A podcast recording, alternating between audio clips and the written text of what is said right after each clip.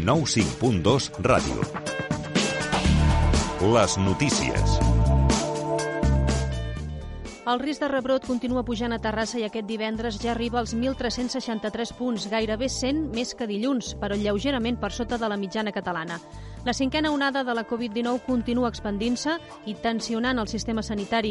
El nombre de persones ingressades a la ciutat s'ha més que doblat des de dilluns i ja arriba a 95. A l'Hospital de Terrassa hi ha 51 pacients a planta i 6 a la UCI. A Mútua hi ha 32 persones hospitalitzades a planta, 3 a cures intensives i 3 a semicrítics.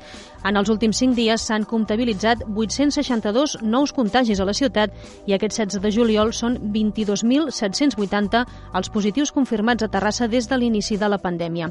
Pel que fa al nombre de persones mortes a causa de la Covid-19, és de 539 des del passat 9 de juliol. Pel que fa al calendari de vacunacions, a Terrassa, 133.000 persones ja tenen la primera dosi i 99.000 la segona. La pandèmia de la Covid-19 ha posat de manifest noves situacions de vulnerabilitat residencial a la comarca.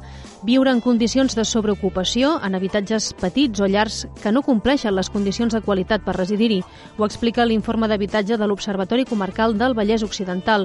Un dels factors que cada vegada comporta més precarietat residencial és la pujada del preu del lloguer. El Vallès ha pujat un 27% als darrers 5 anys i és de 743 euros de mitjana. Les dades apunten que els vallesans destinen aproximadament el 50% dels seus ingressos a pagar el lloguer, on més és a Sant Cugat del Vallès, a Vacarisses i a Rubí. Tot plegat d'incidència en els desnonaments. Tres de cada quatre desnonaments que hi va haver al Vallès el 2020 van afectar persones que vivien de lloguer. En total se'n van produir 636, un 59% menys que l'any anterior, xifra que també s'explica per la moratòria que es va aplicar per protegir les famílies més vulnerables durant el confinament. Vestits modernistes d'Hermès, de Pedro del Hierro, Pertegaz, Emilio Pucci, Ungaro, Valenciaga, bosses i complements, sabates, roba d'home i molt més. Indumentària des del 1900 fins als anys 70. És la valuosa i extensa col·lecció familiar i personal de Maria Cristina Álvarez de Sotomayor, que acaba d'arribar procedent de Madrid al Centre de Documentació i Museu Tèxtil. Álvarez de Sotomayor ja coneixia el centre. Aquí es van restaurar les peces i es van fer els maniquins a mida per l'exposició Valenciaga i la pintura espanyola que es va poder veure al Museu Thyssen-Bornemisza a l'estiu del 2019. Llavors ja va donar a la ciutat alguns vestits d'aquell dissenyador i ara ha cedit tota la seva indumentària.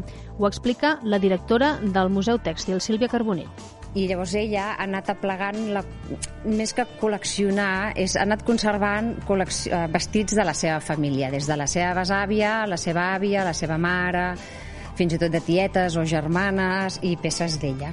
Li sabia greu mm, desprendre-se'n i ho va anar conservant fins que un bon dia va dir que ens ho donava